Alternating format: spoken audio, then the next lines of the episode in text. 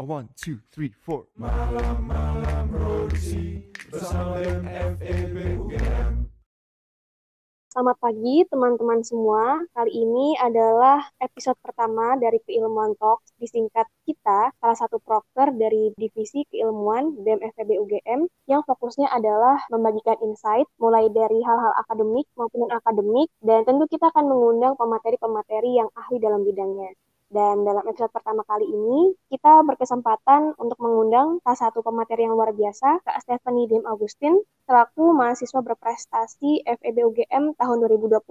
Sebelumnya, izinkan kami uh, mengenalkan MC pada hari ini, yaitu saya sendiri. Saya Azra Aurelia, selaku staf keilmuan. Dan sebelum kita memulai podcastnya, baiknya kita kenalan dulu nih sama Kak Stephanie. Kak Stephanie mungkin boleh nih sepatah, dua patah kata tentang diri kakak sendiri mulai dari passion kakak, prestasi kakak, dan mungkin cita-cita nih, boleh banget. Silakan kak.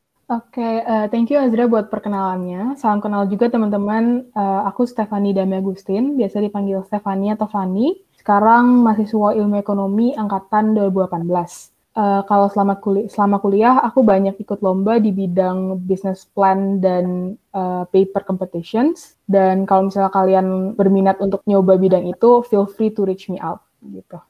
Oke, keren banget sih katanya open banget ya buat adik-adiknya dan Azra juga mau ngejelasin nih beberapa penghargaan dan capaian Kak Stephanie karena Kak Stephanie ini nggak cuma aktif di lomba tapi di volunteer juga ya Kak. Eh, iya benar banget. Salah satunya tuh uh, Kak Stephanie pernah meraih juara satu di Entrepreneur Challenge UNJ Solve Athon tahun 2020. Selanjutnya Kak Stephanie juga pernah nih menjadi paper presenter di Economic Summit tahun 2019 dan Kak Stephanie juga aktif loh di Himiaspa yaitu uh, himpunan mahasiswanya Ilmu Ekonomi UGM. Salah satu hmm. pengalaman volunteernya juga Kak Stephanie pernah jadi exchange participant ya, menjadi teacher volunteer dari lembaga Ayasak ya Kak? Iya benar-benar. Oke siap. Azra langsung mulai aja nih buat tanya-tanya karena Azra nggak sabar nih gimana sih caranya menjadi seorang mahasiswa berprestasi? Nah, aku mau tanya nih kak, tadi hmm? kan kakak ngejelasin, kakak itu suka banget nih berkompetisi di bidang bisnis plan sama paper.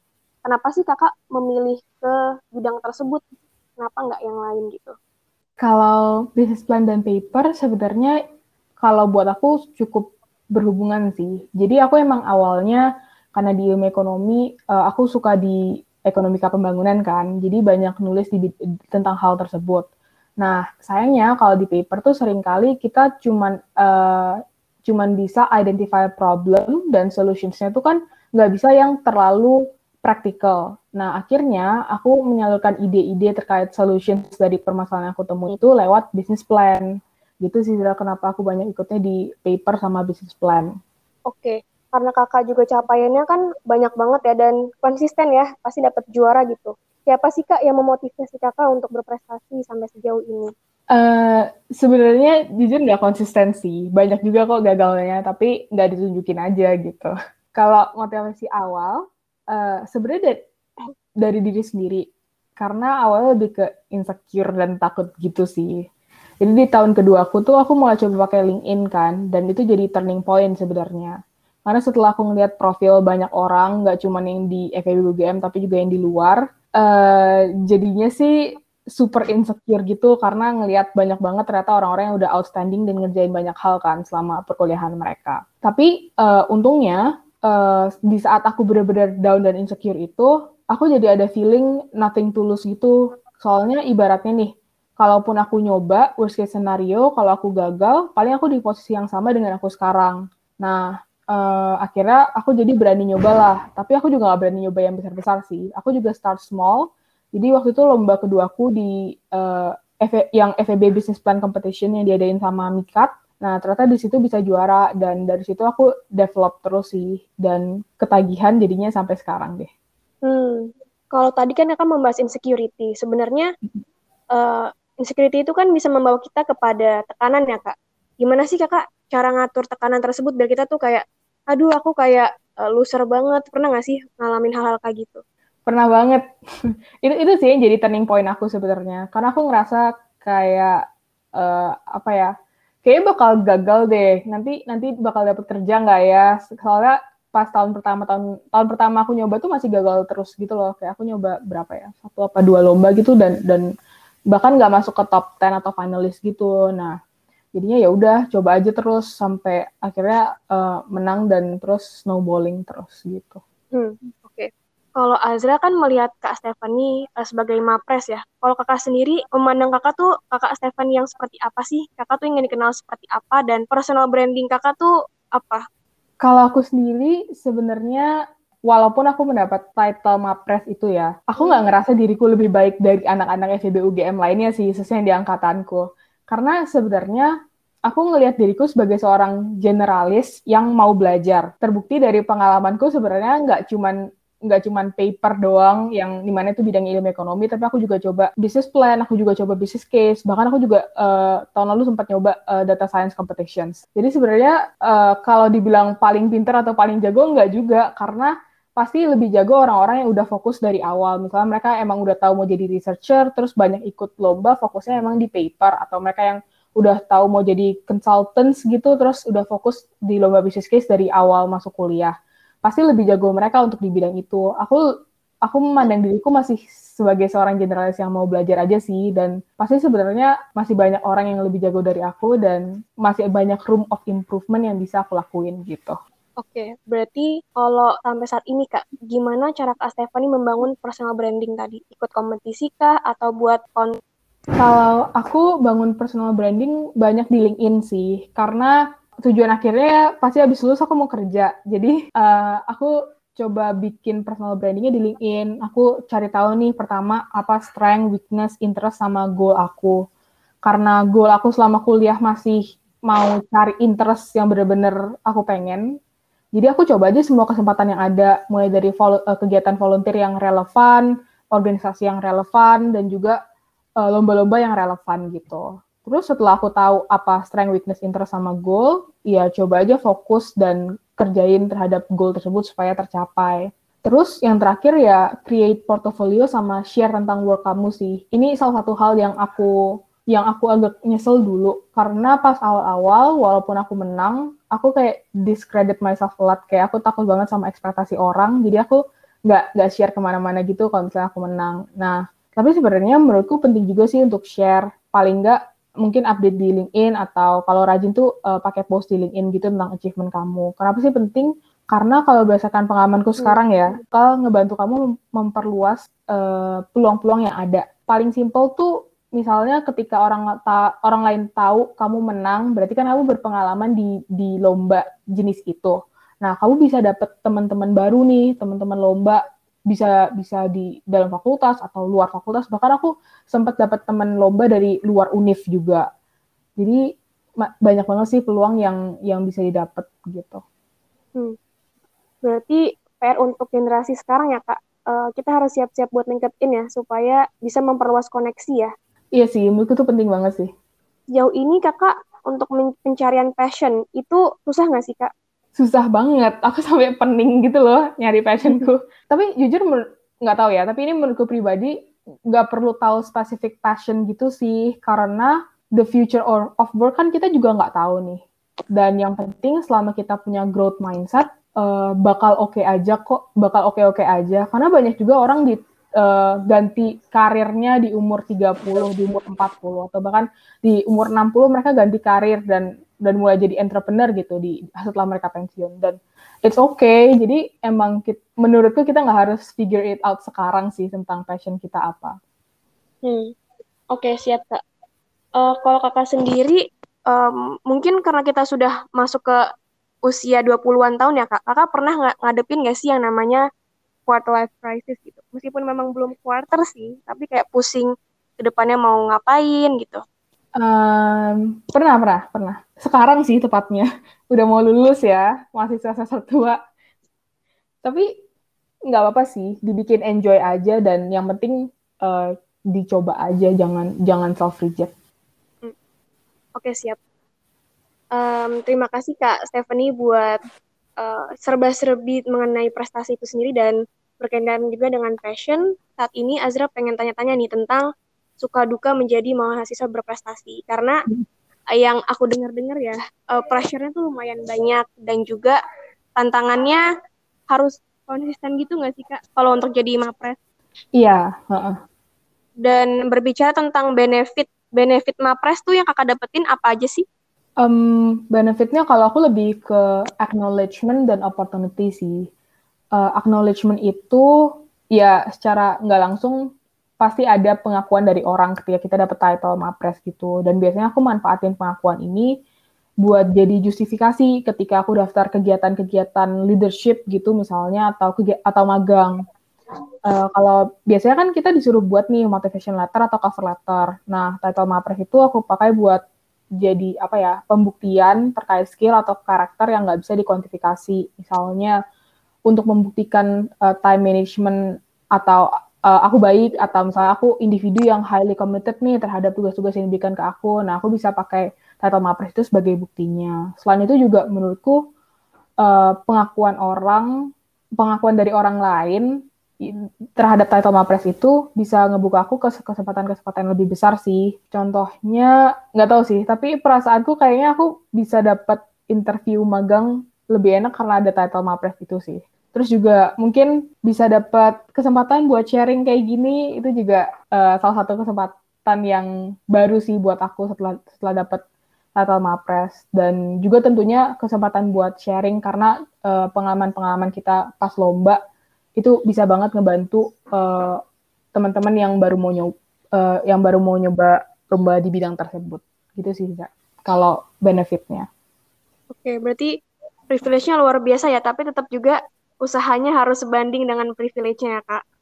Betul. Oke. Uh, sebelum kakak ikut seleksi mahasiswa berprestasi, tantangan dan hambatan apa sih yang kakak hadapi kak?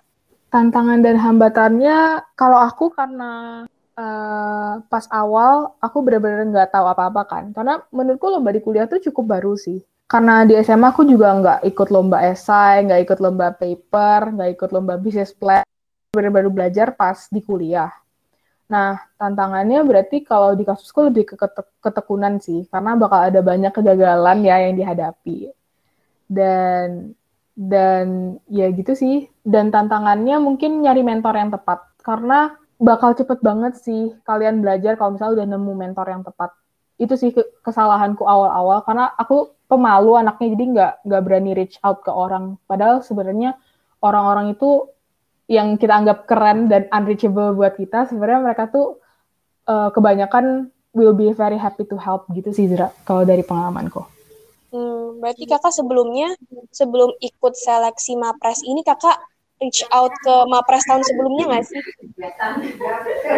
Uh, nah sebenarnya buat Mapres tahun ini aku tuh nggak nggak nggak ngeplan buat daftar. Aku di reach out sama Futi ketua keilmuan ke, uh, tahun lalu karena uh, dari ilmu ekonomi nggak ada yang mau daftar. Jadi ya udah aku uh, daftar itu last minute dan gak sempet konsultasi ke Mapres sebelumnya. Uh, tapi aku nontonin video dari Mbak Leila sih Mapres sebelumnya di pas dia live IG di IG-nya Komapres dan it helps a lot buat persiapannya. Oh, kalau boleh tahu persiapannya apa aja kak? Selain pemberkasan gitu, ataukah ada interview dan lain-lain? Hmm, untuk Mapres tingkat fakultas sebenarnya cuma berkas sama paper. Jadi kita disuruh bikin paper sendiri namanya gagasan kreatif uh, topiknya terkait SDGs gitu. Nah, kalau di tingkat UNIF kemarin ada tes wawasan kebangsaan, ada tes bahasa Inggris juga. Iya sih, ditambah dua itu. Hmm, berarti bisa kita simpulin kakak tuh ikut uh, Mapres karena last minute ya? Gak iya, benar. banget ya. Tapi alhamdulillah keterima gitu ya. Betul. Oke, siap. Uh, kak, karena teman-teman aku kan mayoritas angkatan 2020 itu hmm. masih banyak banget yang bingung gitu. Um, gimana sih cara menjadi mahasiswa berprestasi? Mungkin kita kan pasti punya definisi masing-masing ya. Ada yang buka usaha, ada yang pengen banget belajar di bisnis case dan lain-lain. Langkah hmm. awal kakak tuh gimana sih? Apakah kakak um, pakai mentoring gitu untuk mencari diri sendiri, untuk mencari grade, ikigai dan lain sebagainya? Oke, okay. kalau aku sih tahap pertamanya balik lagi tahu strength, weakness, interest sama goals kamu. Terus kalau misalnya kamu udah tahu, tentuin tuh kegiatan apa yang relevan. Karena uh, untuk kriteria penilaian MAPRES itu sangat beragam, nggak cuman perlombaan doang loh, tapi volunteering itu juga dikasih kredit, leadership itu juga dikasih kredit. Misalnya kamu jadi ketua departemen atau ketua himpunan, itu itu juga ada nilainya gitu. Bahkan kamu buka bisnis, itu juga ada nilainya gitu loh. Jadi uh, benar-benar explore aja apa yang kamu pengen karena uh, ada kreditnya kok buat itu. Terus ya terakhir pasti work on that goal dan cari mentor. Uh, karena uh, mentor tuh bakal ngebantu banget paling gak nih ya dalam kasus perlombaan uh, kamu tahu nih formatnya seperti apa sih yang biasanya diinginkan atau yang biasanya menang jadi kamu punya gambaran oh paling nggak aku harus buat itu kualitasnya segini bahkan kalau bisa mungkin develop lebih bagus dari itu gitu sih hmm. berbicara tentang mentor sendiri nih kak hmm. um, gimana sih kak cara cari mentor dan boleh nggak kak kakak spill nama mentornya gitu Oh boleh boleh. Jadi kan kalau dari pengalamanku aku ikut tiga nih yang major, uh, paper, business plan, sama business case ya. Kalau dalam paper, aku tuh awal-awal ikut mentoring dari Ekonomi Study Community, dan waktu itu mentornya adalah Kak Sisil uh, Ilmu Ekonomi 2016. Jadi aku banyak belajar tentang paper dari dia, dan dari contoh yang dia kasih Uh, terus kalau lebih lanjut itu belajar dari dosen sih karena kalau lomba paper itu sering kali diwajibkan kan ada dosen pembimbing. Jadi dari konsultasi-konsultasi itu aku banyak belajar dari dosen pembimbing. Terus kalau business plan uh, aku banyak belajar dari Kadava IE 17 sama ada juga namanya Kadava IE 15. Uh, waktu itu kita uh, mau ikut lomba uh, management expose-nya yang diadain sama MSS uh, FEB UI dan dari situ aku banyak belajar sih dari contoh-contoh yang dikasih sama uh, Kadava IE 15 gitu. Terus kalau business case, aku banyak belajar dari 180 Degrees Consulting UGM. Uh, karena di sana aku dikasih kesempatan buat belajar langsung dari professionals in the field, mulai dari basic consulting framework sampai market research. Jadi itu sih yang bikin aku pede dan mulai mulai mau coba uh, di bidang business case gitu. Hmm, berarti tugas kita ya sebagai mahasiswa itu melihat peluang ya kak. Karena di UGM tuh udah memfasilitasi banget ya sih? Tergantung kita yang nyari atau enggak bener bener bener. Dan dan kalau misalnya kalian mau reach out ke cutting reach out aja nggak apa-apa. Karena dari sejauh yang pengalamanku belum ada yang nolak sih yang aku reach out. Hmm. ya harus perkuat networking ya. Dan apa ya uh, pede aja gitu kak. Jangan takut ditolak ya. Karena asal aku juga teman-teman UGM tuh friendly friendly sih. Dan terbuka bener, orangnya. bener. bener banget Oke, berikutnya setelah mencari mentor, kakak ini ada circle atau komunitas tersendiri ya nggak sih kak untuk berprestasi? Hmm, kalau komunitas tersendiri nggak ada sih sebenarnya, karena teman-teman lomba aku tuh juga awalnya uh, teman-teman kampus. Jadi yang biasanya kalau kalau kalau dari awal kan biasanya kita teman-teman kampus tuh yang nimnya di atas sama di bawah tuh. Nah, jadi uh, biasanya aku lomba bareng mereka sih dan baru nyari teman lomba baru itu setelah udah menang terus di sama orang lain diajak gitu mau ikut lomba nggak gitu-gitu sih. Kalau komunitas aku belum ada sih sejauh ini. Hmm, Oke, okay. um, mungkin terakhir nih kak, aku mau tanya, hmm. mungkin kakak ada motivasi atau pesan-pesan buat semua mahasiswa yang masih insecure, masih bingung sama dirinya sendiri, apakah ada pesan gitu kayak reminder bagi kita supaya nggak apa nggak putus asa mencari diri sendiri dan lain-lain. Uh, kalau dari aku sih coba aja jangan self reject karena ya worst case scenario kalau gagal kan kamu bakal di tempat yang sama kan. Jadi coba aja beneran. Mungkin itu aja coba terus ya kak? Iya bener. Oke. Okay uh, mungkin sebelum kita akhiri podcastnya, Azra pengen uh, ada sesi ice breaking nih kak. Uh, permainannya sih namanya this or that. Jadi kakak pilih salah satu kata aja yang kakak prefer gitu. Misalnya hmm. kayak antara soto sama bakso, kakak pilih bakso gitu. Hmm. Oke. Okay. Aku mau tanya nih kak, mending kerja di usaha korporasi atau startup? Um, untuk saat ini aku pilih startup karena nggak bisa bohong learning opportunity-nya lebih gede sih. Hmm. Datang ke kampus offline atau kuliah online? Uh, kuliah online karena lebih time efficient. Jadi uh, kan kita nggak harus berangkat nih. Kebetulan rumahku tuh rada jauh ya walaupun di Jogja, kayak 30 menit dari kampus. Jadi lumayan ngehemat waktu sih dan tenaga, apalagi untuk kelas-kelas pagi. Iya, bener banget. Mending KKN online atau offline, Kak? KKN online. Kenapa tuh, Kak? Karena masih COVID lah. Oh, aku kira Kak lebih enjoy yang offline gitu karena sambil jalan-jalan. Iya sih sebenarnya. Tapi kalau online tuh bisa disambi menurutku. Iya. Berikutnya, nggak ada UTS tapi banyak tugas, atau ada UTS tapi online, bukan take home. Eh, nggak ada UTS tapi banyak tugas. Karena bisa dicicil ya, Kak? Iya itu pertama. Terus kedua, kadang tuh walaupun online, soal ujian tuh jauh lebih susah gitu loh, Zra. Jadi mending mending nggak ada mending, mending dibikin tugas karena bisa persiapan dan kalau misalnya kita bingung tuh bisa nanya dan itu legal gitu loh. Oke, siap.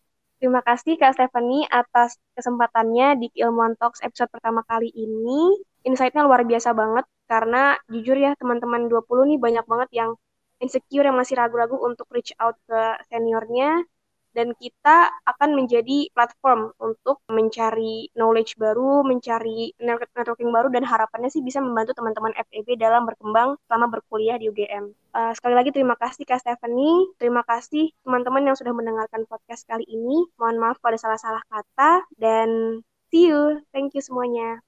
Thank you semua.